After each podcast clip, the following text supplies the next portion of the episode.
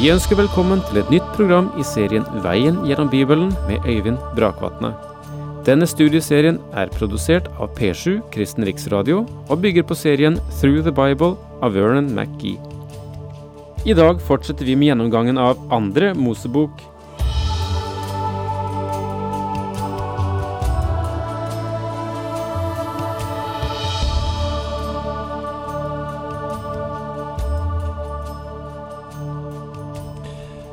Jeg nøler ikke med å si at eh, det kapitlet vi nå har for oss, og som vi begynte på sist, nemlig kapittel 20 i annen Mosebok, er et av eh, de store kapitler i Det gamle testamentet.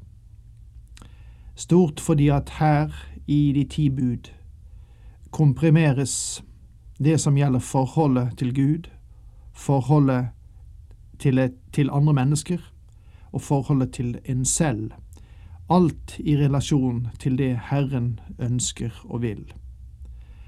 Det er vel eh, intet lovverk som egentlig gjennom historien har betydd så mye for så mange mennesker som akkurat spørsmålet om de ti bud. Og eh, hele vårt eget lovverk er reflektert også av det som ligger her i 2. Mosebok kapittel 20, og som senere aktualiseres i Det nye testamentet. Så jeg vil si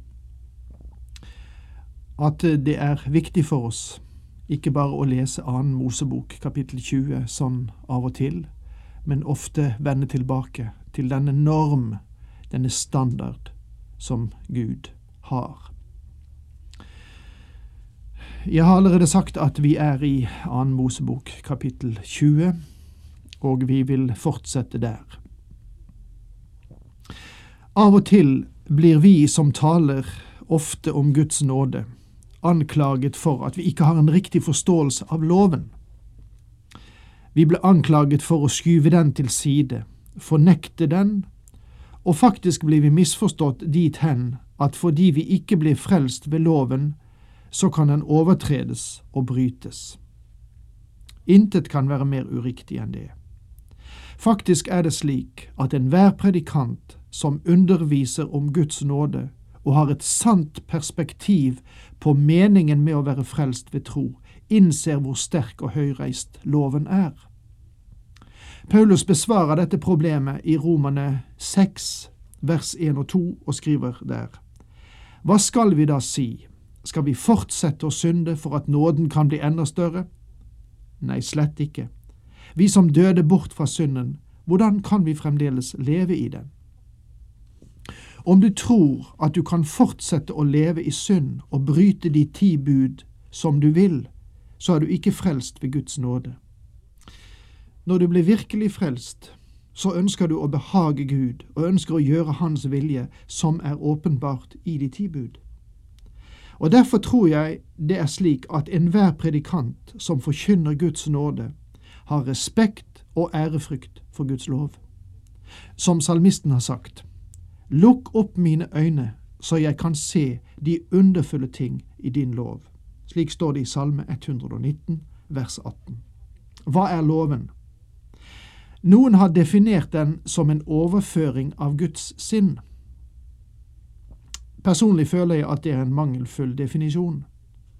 Loven er et uttrykk for Guds sinn i forhold til hva mennesket burde være. Det er ingen nåde eller barmhjertighet i loven i det hele tatt. Bak loven er den det, men ikke i selve loven. Loven er et uttrykk for Guds hellige vilje. Salmisten sier i Salme 19, vers 8, Herrens lov er fullkommen, den gir sjelen nye krefter. Herrens lovbud er pålitelig, den gir den uerfarne visdom. Loven krever fullkommenhet på din side, og jeg har aldri ennå møtt noen som sto opp imot Guds standard. Loven er ingen vag antydning, og den har ingenting å gjøre med gode intensjoner. Den krever en fullkommen lydighet, for Herrens lov er fullkommen. Herrens lov er rett, vår forståelse av rett og galt er farvet av våre omgivelser, av den tid vi lever i, og av det faktum at vi har en fallen natur. Loven er en åpenbaring av Gud. Gud har trukket en linje mellom rett og galt. Hvordan vet du hva som er rett? Gud forteller deg hva som er rett. Denne generasjonen som ønsker frihet så desperat, stiller spørsmålet om hva som er rett. Hvorfor er det galt å stjele, spør de. De synes ikke å ha noe imot å ta litt her og litt der, men de liker budet om at du skal ikke slå i hjel, fordi de sier at det er galt av en regjering å gå i krig, ikke minst atomkrig. Hvor ulogisk egentlig mennesker er. Hvor likegyldige de er til loven. Hvorfor er det galt å lyve og stjele? Fordi Gud sier at det er galt. Du kan si det er det beste for mine medmennesker. Selvfølgelig er det det, og loven ville vært et vidunderlig instrument om mennesket ville holde den. Men mennesker kan ikke holde loven og fengslene, alle dørlåsene som blir flere og flere, og det faktum at du må undertegne ti ark for å få låne penger i en bank fordi de ikke stoler på deg, er alt vitnesbyrd om det faktum. Det var en gang en, at en manns ord var hans garanti, men det er ikke lenger sant. Loven er en norm for menneskelig oppførsel. Å stjele, lyve og drive hor er galt fordi Gud sier at det er galt. Loven har ingen kraft i seg selv. Lovgiveren må ha makt. Gud gjennomfører sine lover med en veldig virkning. Ta for eksempel loven om gravitasjon. Du kan stige så høyt opp som du ønsker, men det er best at du ikke slipper deg utfor. Falloven er i funksjon, og du kan ikke bryte den. Du kan jo forsøke, men det er du som vil tape. Mange mennesker tror at de kan bryte de ti bud både til høyre og venstre uten at det innebærer noen konsekvenser. Det minner meg om den snurrige historien om mannen som hoppet ut fra Empire State Building i New York. Da han passerte den femtiende etasje, var det en annen som så ut av vinduet og sa til ham vel, hvordan går det, og den mannen som falt, han svarte hittil har det gått bra. Det er ikke der gravitasjonsloven viser sin makt, men 50 etasjer lenger ned så vil mannen snart finne ut at hittil har det ikke gått bra. Det interessante er at en lov må ha makt bak seg for å være en lov, og derfor sier Gud i Esekiel 18 vers 4, Den som synder, han skal dø. Loven krever autoritet, og den som bryter loven, må betale overtredelsen. Det er et annet synspunkt som vi trenger å korrigere, og det er sammenblandingen av lov og nåde. Det å putte dem i samme skuff og sette loven og nåden inn i det samme system er å frarøve loven dens majestet og mening. Det er ingen kjærlighet i loven. Det er ingen nåde i loven.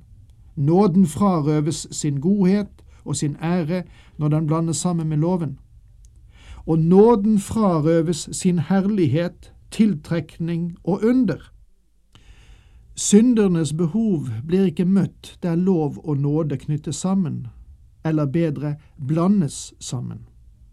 Loven viser hva mennesker burde være, nåden forteller hva Gud er. Det majestetiske i loven er noe som vi trenger å være oppmerksom på. Loven åpenbarer hvem Gud er, og den veldige, uoverstigelige kløft som finnes mellom Gud og menneske. Paulus stilte dette spørsmålet til galaterne i kapittel 4 vers 21. Si meg, dere som vil stå under loven, hører dere ikke på loven? Det er best du lytter etter hva loven sier, fordi mennesket er blitt veiet på de ti buds vekt og funnet for lett. Du måler ikke deg selv med andre. Det er lett for oss å se ned på andre, men sammenligner du deg med Guds standard, vil du ha nok med deg selv. Loven åpenbarer også hvordan mennesket er, og dets manglende evne til å bygge bro over avgrunnen mellom seg selv og Gud. Romane 3, vers 19 sier, Vi vet at alt det som loven sier, gjelder dem som har loven, for at hver munn skal tie, og hele verden står skyldig for Gud. Og Paulus sier videre i Romane 8, vers 3, det som var umulig for loven, fordi den var maktesløs på grunn av menneskets onde natur, det gjorde Gud. For syndens skyld sendte han sin egen sønn i syndige menneskers skikkelse og holdt dom over synden i vår natur. Feilen ligger ikke i loven, men i oss. Loven er et speil og, som vi allerede har sett, åpenbarer det mennesket i sin sanne natur.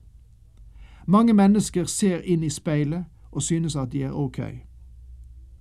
Og det minner meg om den onde dronningen i eventyret om Snehvit og de syv dvergene. Hun så inn i speilet og sa, Speil, speil på veggen der, hvem er vakrest i landet her?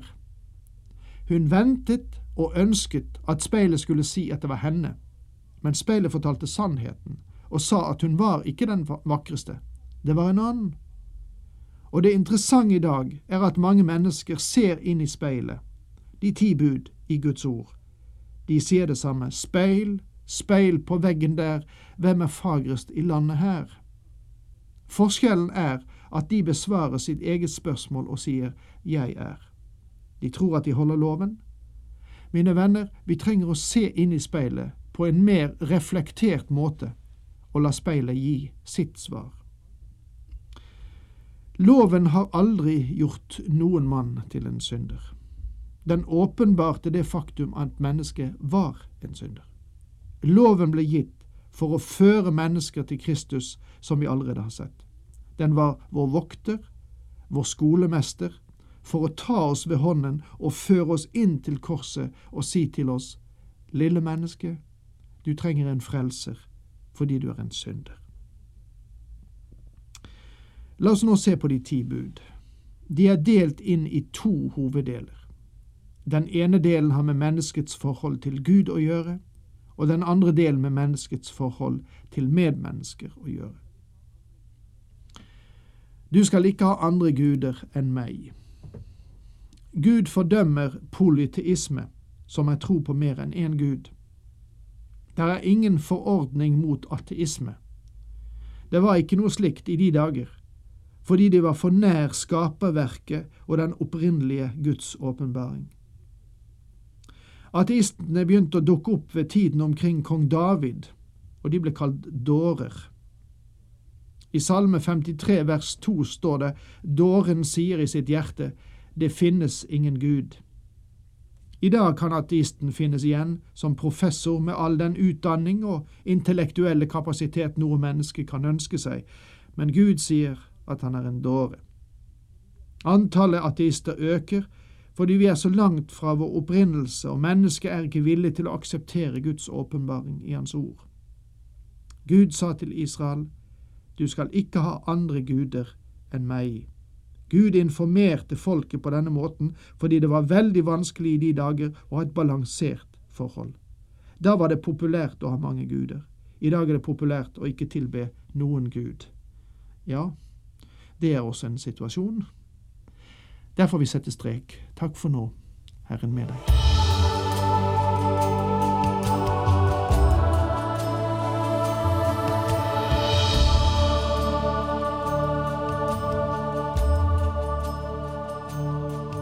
Du hørte Øyvind Brakvatne i studieserien Veien gjennom Bibelen. Serien bygger på et manus av Vern McGee. Har du spørsmål eller kommentarer til programmet, kan du sende en e-post til vgb krøllalfa p7.no.